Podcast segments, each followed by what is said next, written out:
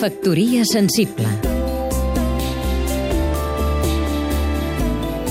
Jordi Llavina, escriptor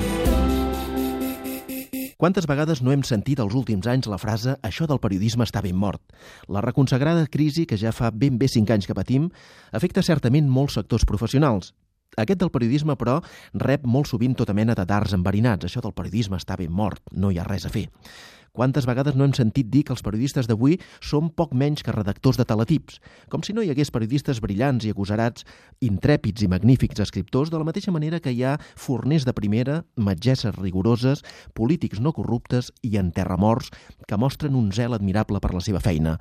És un fet que la informació cultural sembla haver perdut pistonada i presència als mitjans. Per això té un gran valor l'aparició del digital de cultura núvol, www.núvol.com. D'entrada, em sembla un exemple de periodisme periodisme útil i posat al dia per la quantitat notable d'informació que proporciona.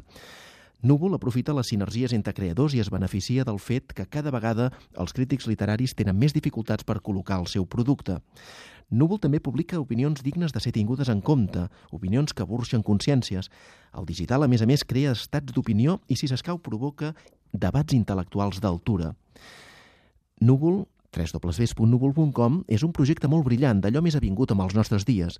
Potser els que diuen que això del periodisme està mort pensen en un periodisme amb les característiques del del segle XX. L'esperit del periodisme, però, ni és mort ni ha canviat gaire. Canvia el canal, la manera de donar una informació o de transmetre un coneixement, no pas el desig de transmetre tot això ni les aptituds del missatger. Consulteu Núvol, feu-lo servir, val molt la pena. Factoria sensible Seguim-nos també a catradio.cat.